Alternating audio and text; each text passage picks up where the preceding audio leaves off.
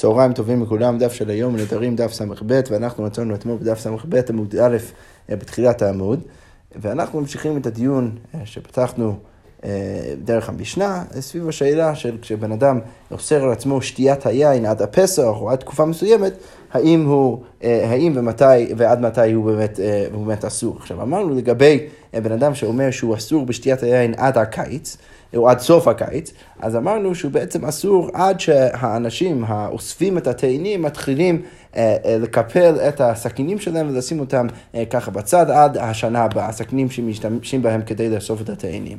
עכשיו, הגמרא כאן אה, ממשיכה פשוט עם עוד דינים השייכים לאותה התקופה. אז הגמרא אומרת ככה, תנא כתוב בברייתא, הוקפלו רוב המקצועות, אם רוב המקצועות הוקפלו ואנשים שמו את הסכינים שלהם בצד, מותרות משום גזל. אז עכשיו, התאנים שנשארו בשדה מותרות משום גזל. מה הכוונה? אנחנו מניחים שהבעלים התייאשו מהתאנים שעוד נשארים בשדה, ולכן אתה יכול להיכנס לשדה של מישהו אחר, וללכת לשם ולקחת משם את התאנים שלו. ופטורות מן המעשרות, וגם כן הן פטורות מן המעשרות, כי הם כבר לא שייכים לבעל הבית. אוקיי, אז הגמרא עכשיו מספרת, רבי ורבי יוסי ברבי יהודה איקלו להוא אתרא בזמן שהוגבלו רוב המקצועות. הם הגיעו לאיזשהו מקום, והם הגיעו בתקופה שבה כבר הוקפלו רוב המקצועות. אז לפי הדין של הברייתא שראינו למעלה, אז עכשיו מותר להיכנס לשדה של מישהו ולקחת משם תאנים. עכשיו רבי, הווה כך, רבי עשה כדין הברייתא, והוא לקח מהתאנים, והיה אוכל אותם. אבל רבי יוסי ברבי יהודה לא אכל, לא אכל. עתה מרהון, אז בעל הבית של השדה הגיע, אמר לו, אמר לו אך רבנן, אז הוא בא ואומר לרבי יוסי ברבי יהודה, למה אתה לא אוכל? במפורש כתוב בברייתא שאתה יכול לאכול. הרי מה? הוקפלו רוב המקצועות הוא. הרי אנחנו כבר הגענו לתקופה שבה באמת התאנים מותרים. אז, אז הגמרא אומרת, ואף על פי כן לא אכל רבי יוסי ברבי יהודה. בכל זאת רבי יוסי ברבי יהודה לא אכל. למרות שעכשיו הגיע, אפילו הגיע בעל הבית, אמר שהוא יכול לאכול, הוא עדיין לא אכל. אמר כסובר משום שניות מילתא הוא דקאמר הדין גבר. הוא חשב שאולי הבן אדם הזה סתם מתבייש. הוא רואה תלמידי חכמים בשדה שלו, הוא רוצה להגיד להם שהם יכולים לאכול, יכול להיות שהוא לא באמת גמר בדעתו. שהוא, שהוא בסדר עם זה, ולכן עדיין רבי יוסי ביהודה אה, אה, לא אכל מהתאנים. הגמרא שוב מספרת, אה, רבי חמא אה, בר רבי חנינא איקלא להואטה בזמן שהוקבלו רוב המקצועות, רבי חמא בר, בר רבי חנינא גם כן הגיע לאיזשהו מקום בזמן שהוקבלו רוב המקצועות, אבל ככה והוא הלך לשם והוא היה אוכל. והוא היה אוכל מהתאנים. יאהב לשם אי, לא, הוא רצה להביא את זה לשמה שלו, השמה שלו לא אכל, השמה שלו היה פרומר, לא, לא רצה לקחת ממנו את התאנים. אמר לי, אז, אז, אז רבי חמא ורבי חנינא בא ואומר לשמה שלו, אכול. כך אמר לי רבי ישמעאל ורבי יוסי משום אביו. הרי רבי ישמעאל ורבי יוסי כבר אמר משום אביו, רבי יוסי, שמה, שהוגבלו רוב מקצועות מותרות משום גזע ופטור מן המעשה, בדיוק כמו שראינו למעלה בברייתא. אוקיי, רבי טרפון, אשכחי גבר בזמן שהוקפלו המקצועות דקאוכל. אז, אז מישהו, בעל השדה, ראה את רבי טרפון שנכנס לו לשדה והיה אוכל מהתאנים שלו. עכשיו, אותו בעל השדה, אנחנו תכף נראה למה, אותו בעל השדה כעס עליו, הוא רואה מישהו אחר, למרות שלכאורה, על פי, על פי הדין הוא היה, היה מותר לו לאכול מהתאנים, הוא רואה מישהו אוכל מה, מהשדה שלו, והוא, והוא כועס. אז מה הוא עושה? אחתי בשק, הוא שם את רבי טרפון באיזשהו שק, ושקלי ואמתיה למשדל בנהר, והוא הביא אותו לנהר, והוא רצה בעצם לזרוק אותו לתוך הנהר, ככה אפילו אה, להרוג אותו, אה, ככה בתוך איזשהו שק, ולהטביע אותו בתוך הנהר. אז אמר לו, אז רבי טרפון בא ואומר, אוי לו לטרפון שזה הורגו. הוא אומר, הוא בא ואומר ככה לעצמו, אוי לו לטרפון שזה הורגו. עכשיו, כפי שאנחנו נראה עוד שנייה, רבי טרפון הבין שאם הוא יראה לבן אדם הזה שהוא רבי טרפון, שהוא תלמיד חכם גדול, אז הבן אדם הזה ירחם עליו והוא לא יהרוג אותו. עכשיו שמה ההוא אז בדיוק מה שקרה, אז הבן אדם הזה שמע שהנה מדובר רבי טרפון, שבקי ועורק, אז, אז, אז, אז הוא, הוא בעצם הוציא אותו אה, מהשק והציל אותו, לא, הוא ריחם עליו ולא הרג אותו.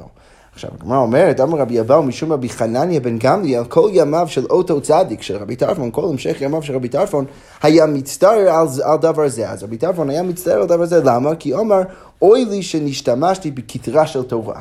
אני השתמשתי בכתרה של תורה, מה הכוונה? אני כאילו השתמשתי בזה שאני תמיד חכם כדי לגרום לבן אדם לרחם עליי. עכשיו, אז, אז, אז הוא הצטער רבי טרפון על הנקודה הזו, כי הוא לא באמת אהב את מה שהוא עשה. הגמרא אומרת, ולמה זה כזה בעייתי? ואמר רבי חנא רבי יוחנן, כל משתמש בכתרה של תורה נעקר מן העולם. ואפשר ללמוד את זה קל וחומר מבלשצר, שבלשצר אה, היה אה, אחראי על זה שהם הוציאו את כל כלי הקודש מבית המקדש, שהבבליים הרסו וחרבו את בית המקדש, אז, אז הוא היה אחראי על כל, כל הפרויקט הזה. עכשיו, אפשר ללמוד קל וחומר ממנו, שמה? שבן אדם שמשתמש בכתרה של תורה נעקר מן העולם. למה? ומה בעל שצר שנשתמש בכלי קודש שנעשו כלי חול? הרי, הרי ברגע שהוא הוציא את כלי הקודש מבית המקדש, אז הם הפכו להיות חול. אז כבר אין בהם קדושה, שנאמר, ובאו בה פריצים וחיללוהו, שהפריצים הגיעו לבית המקדש וכשהם הוציאו אותם מבית המקדש, אז הם חיללו אותם ובעצם הפכו אותם להיות של חול, כיוון שפרצו נעשו חול. אז, אז, אז, אז אנחנו בעצם יכולים ללמוד מהפסוק הזה שברגע שהוא הוציא את הכלים האלו, אז הם הפכו מקודש לחול. והוא בכל זאת נעקר מן העולם, אז, אז שוב, אנחנו בתוך הקו וחומר. ומה בר שצר שנשתמש בכלי הקודש שנעשו חול, ברגע, ובכל זאת הוא נעקר מן העולם, דכתיב, מאיפה אני יודע שהוא נעקר מן העולם, דכתיב אה, בי בליליה קטיל בלשצר, שכתוב בספר, אה, בספר דניאל, כתוב שבאותה הלילה הרגו, אה, הרגו את בלשצר, אז הוא נעקר מן העולם. המשתמש בכתרה של תורה שהוא חי וקיים לעולם על אחת כמה וכמה, אז כמו דן מזה קל וחומר, מה אפשר ללמוד? שאני אני, רק סתם, זה קצת קשה לעקוב אחרי הלוגיקה פה של הטקסט, בגלל שהרכיבו לתוך, לתוך הטקסט כל מיני פסוקים, אבל הגמרא בעצם אומרת שבלשצר, הוא השתמש בכלי קודש, והכלי קודש הם כבר לא היו כלי קודש, כי הם, כי הם היו בכלל כלי חול, כי ברגע שהוא הוציא אותם מבית המקדש, הבאנו פסוק להוכיח משם שהם הפכו להיות חול. ובכל זאת הוא נעקר מן העולם, כמו שכתוב בפסוק בדניאל. אז המשתמש בכתרה של תורה, אז בן אדם שמשתמש בצורה לא נכונה בכתרה של תורה, שהוא חי וקיים לעולם, שתמיד התורה קדושה, אתה לא יכול לחלל את התורה, להפוך את זה להיות חול, על אחת כמה וכמה, אז ברור שגם הבן אדם הזה מן העולם. עכשיו, מכל זה רבי טרפון ניצער על כך שהוא השתמש בשמו הקדוש, ש, ש, ש, ש, כדי בעצם לגרום לבן אדם הזה לרחם עליו ולא להרוג אותו. אז הגמרא אומרת, רגע, אבל רבי טרפון, כיוון דכי אכיל, דהוקפלו רוב המקצועות הווה, עמי צערי ההוא גבר, רגע, אני לא מבין בכלל את הסיפור. הרי אנחנו יודעים מהברית שציטטנו בתחילת הדף, שמה, שברגע שהגיעה התקופה שהוקפלו רוב המקצועות, אז הרי התהילים מותרים. אז למה הבן אדם הזה כעס עליו? הרי רבי טרפון נכנס לתוך שדה שלו ואכל כדין. אז הגמרא אומרת, אה, משום דההוא, הבו גנבי לאינבי כולה שעתה. הבן אדם הזה, הוא ידע שכל שנה כולה הגיעו הגנבים והיו גונבים ממנו ענבים כל השנה כולה. וכיוון דאשכחי דרבי טרפון, ברגע שהוא ראה את רבי טרפון, מה הוא סבר? סבר, היינו דגנבן. אז זה בטח הבן אדם שגנב ממנו כל השנה, ולכן הוא רצה להרוג אותו. אז מה אומרת? יהפי, מה יציר נפשי? רגע, אבל אם באמת רבי טרפון אה, אה, אם באמת רבי טרפון הבין שהבן, ש, שהבן אדם הזה הלך להרוג אותו, אז ברור שהוא היה יכול להשתמש בכבוד השם שלו כדי לגרום לבן אדם הזה לרחם עליו. למה, למה הוא צייר את עצמו? למה, למה רבי טרפון הצטער על כך שהוא השתמש בשם שלו? הרי לא הייתה לו אופציה אחרת, הבן אדם הזה באמת הלך להרוג אותו. אז כמו אומרת לא, רבי טרפון הבין שהיה דרך אחרת שהוא היה צריך להשתמש בה, משום דרבי טרפון עשיר גדול הוא היה עשיר גדול, והבה לי לפייסו בדם הוא היה צריך להביא לו כסף. במקום להביא לו כסף הוא השתמש בשם שלו, הוא השתמש בכתרה של תורה כדי להציל את עצמו. תניא, הגמרא אומרת, כתוב בפסוק, בדברים, לאהבת השם אלוקיך לשמוע בקולו לדבקה בו. מה זה מלמד אותנו? שלא יאמר אדם, בן אדם לא אמור להגיד, אקרא שיקראוני חכם. אני אקרא, אני אלמד לדבר תורה, כדי שאנשים יחשבו שאני חכם, הם יקראו אותי חכם. אשנה שיקראוני רבי. אני, אולי אני אלמד משניות כדי שאנשים יקראו אותי אה, רבי. אשנן שאהיה זקן ואשב בישיבה, אולי אלמד לדבר תורה כדי שאני אהיה זקן מכובד ואני אשב בישיבה.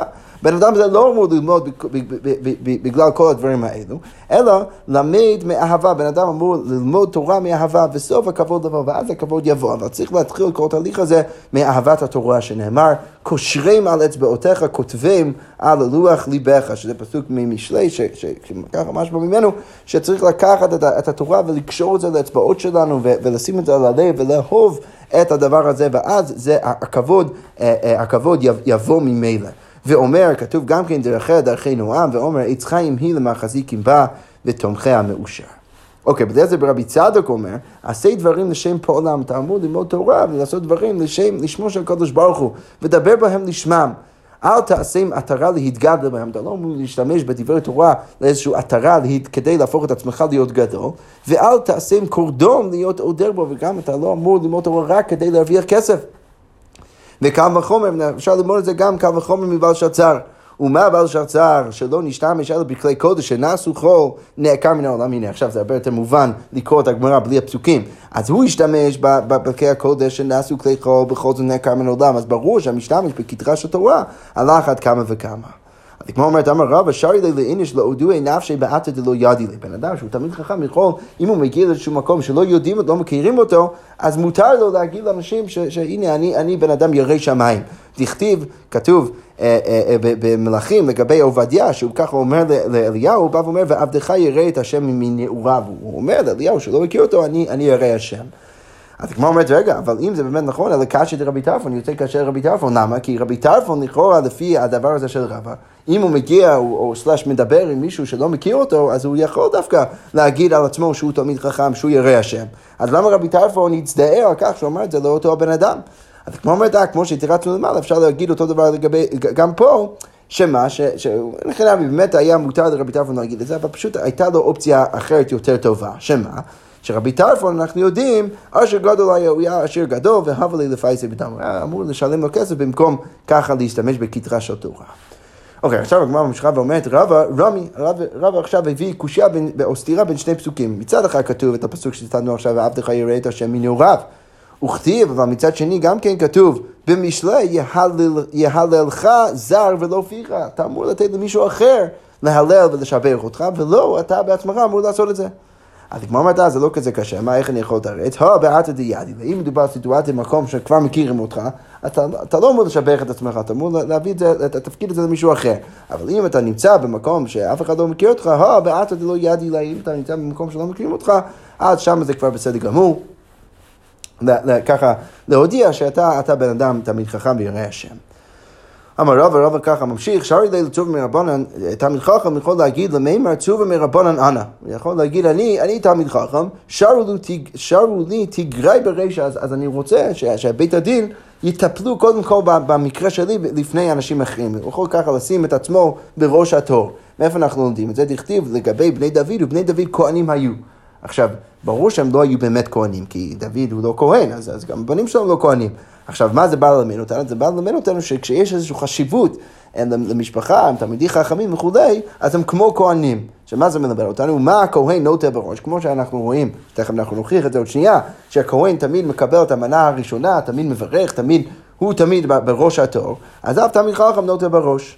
אז כמו שהוא וכהן מנהל, מאיפה אנחנו יודעים שזה נכון לגבי כהן? דכתיב, כתוב אצל הכהנים, וקידשתו, כי את לחם השם לוקח הוא מקריב. ותנא דבי רבי ישמעאל, מה, מה הפסוק מלמד אותנו, מה הדרשה, וקידשתו לכל דבר שבקדושה, שתמיד הכהן צריך להיות אה, ראשון בכל דבר שיש בו קדושה, לפתוח ראשון, הוא תמיד צריך להיות הקורא הראשון בתורה, ולברך ראשון. אה, אה, אה, ולטעום מנה יפה ראשון, גם כאילו תמיד מקבל את המנה היפה ראשון לפני כל שאר האנשים. אוקיי, אמר רב ורב ממשיך כך עם כל מיני דינים סביב תלמידי חכם, נשאר לי לצור מרבנו למימר, תלמיד חכם יכול להגיד לא יהיב נא אחר אני לא רוצה לשלם את המיסים. מאיפה הוא מוכיח את זה? מפסוק מעזרא, דכתיב בעזרא, וכאן הפסוק מדבר על כל, כל, כל הכהנים והלוויים, כל מיני תלמידי חכמים שעובדים בבית המקדש, כתוב לגביהם, אה, אה, מינדה ולא והלך לא שליט למרמה עליהם. ואמר רבי יהודה, מינדה זו מנת המלך, זה סוג של מס של המלך, בלו זו כסף גולגלתה, גם כן סוג של מס שכל בן אדם ובן אדם צריך לשלם, והלך זו ארנונה, זה הארנונה שגם כן סוג של מס שצריך לשלם. עכשיו, אם אני מבין ככה את הפסוק, אז בואו נחזור חזרה לפסוק, שהפסוק מדבר כאן לפי הדרשה על תלמידי חכמים, וכתוב בפסוק שמינדה ולא והלך, שלושת המיסים האלו לא שליט למרמה עליהם, אי אפשר לשים עליהם, על, על תלמידי חכמים, ולכן אני רואה משם שתמיד יש אפשרות לתלמיד חכם אה, להגיד שהוא לא רוצה לשלם את המיסים. ואמר רב ורב שוב ממשיך ואומר, שרי לצורך מרבנו למימר, מותר לו לתלמיד חכם להגיד את הדבר הבא. עבדה דנורא אנא. אם מישהו רוצה ככה לקחת ממנו מיסים, אז יכול להגיד, אני לא, אני, אני העבד של אותו עובד כוכבים, של אותו גוי. לא יהיב לך אחר כך, ולכן לא צריך לשלם את המיסים. עכשיו, אפילו אם זה לא נכון, הוא יכול לעשות את זה. למה? מה איתה עם הגמרא אומרת? אברוכי אריה מיני כמה, כי הוא סתם רוצה להבריח את, את האריה ממנו, כדי שהוא לא יצטרך לשלם את המיסים, ולכן זה מותר. רב אשי ככה מסיים את הסוגיה, רב אשי, הווה לי הו איבה, אז היה לו איזשהו יער, זה הבני לוי נורה, הוא, מכר את היער הזה לאיזשהו גוי, איזשהו עובד כוכבים. עכשיו, הגמרא אומרת, אמר לי רבינו לרב אשי, רבינו בא ואומר לרב אשי, איך אתה יכול למכור יער לגוי, הרי האיכא לפני עיוור לא תיתן מכשול, הרי דרך זה אתה עובר על האיסור לפני עיוור, למה? כי ברור שהגוי הזה, אתה עכשיו מאפשר לו להשתמש בעץ של בעצים של היער לעבודה זרה, אז אתה, אתה, בעצם, אתה, אתה בעצם עובר על לפני עיוור. אז כמו אומרת, אמר לי, לא, רוב עצים להסקה ניתנו, רוב העצים משתמשים בהם לאש ולהסקה ולא לעבודה זרה, ולכן אני לא עובר דרך זה על האיסור והכל בסדר גמור. יפה, אז זה ככה סוגר את הסוגיה, עכשיו אנחנו נמשיך למשנה הבאה, והמשנה שוב ממשיכה עם הדינים שראינו כבר במשניות הקודמות. המשנה אומר ככה, אם בן אדם בא ואוסר על עצמו שוב את שתיית היין עד הקציר, עכשיו, עד מתי הוא אסור? אז המשנה אומרת, עד שיתחיל העם לקצור קציר חיטין, אבל לא קציר שעורין, אז הוא אסור. עד שהעם מתחיל לקצור את קציר החיטין, שזה תקופה יותר מאוחר, ולא, אבל לא קציר שעורין, שזה יותר מוקדם. והמשנה ממשיכה עם איזה דין כללי, והמשנה אומרת הכל לפי מקום נדרו, ושוב הכל יהיה תלוי באיפה שהוא נדר בהתחלה. אם היה בהר, בהר, אם הוא נמצא בהר, אז הוא אסור עד שמתחיל הקציר בהר, ואם היה בבקעה, אז בבקעה, הוא אסור עד שמתחיל הקציר בבקעה. אם הוא בא ואומר עד הגשמים, הוא עושה לעצמו את היין עד תקופת הגשמים, או עד שיהיו הגשמים, אז הוא אסור עד שתרד, עד שתרד רביעה שנייה, אז הוא אסור עד שתרד הרביעה השנייה, שזה בעצם הגשם השני של השנה. עכשיו, הבן שמעון גמליאל אומר, לא, זה לא צריך, לא צריך לרדת ממש הרביעה השנייה, אלא עד שיגיע זמנה של הרביעה. לא צריך להיות שממש יורד גשם פעם שנית, אבל לפחות עד הזמן של הרביעה השנייה, עיין במסכת, אה, אה, במסכת תענית שם, ששם מדובר על כל, על כל התקופות של, של הרביעות, רביעה הראשונה, רביעה השנייה וכולי. אוקיי, ממשיכה המשנה ואומרת, עד שיפסקו גשמים, אם הוא נודר ועושה לעצמו את שתיית היין עד סוף תקופת הגשמים, אז מה אנחנו אומרים שהוא הדין? עד שיצא ניסן כולו, אז הוא צריך לחכות עד סוף ניסן, דברי רבי מאיר. רבי יהודה אומר, עד שיעבור הפסח, הוא אסור רק עד שיעבור הפסח, כבר אחרי זה אנחנו מניחים שזה כבר לא תקופת הגשמים, ולכן הוא מותר בשתיית היין.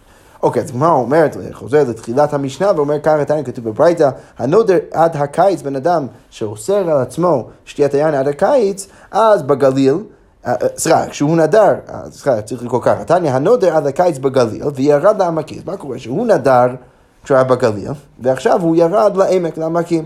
אף על פי שהגיע הקיץ בעמקים, למרות שהקיץ הגיע בעמקים, ולכאורה לפי הלו"ז של העמקים, אז הוא צריך להיות עכשיו מותר ביין, הוא עדיין אסור עד שיגיע הקיץ בגליל. כי שוב, הכל תלוי, כמו שראינו כבר במשנה, הכל תלוי במקום הנדר שלו, ולכן אפילו אם הוא ירד למקום אחר, עדיין הוא אסור עד שמגיע הקיץ באותו מקום ששם הוא נדר. אנחנו נעצור כאן ונמשיך מחר בעזרת השם בהמשך הסוגיה.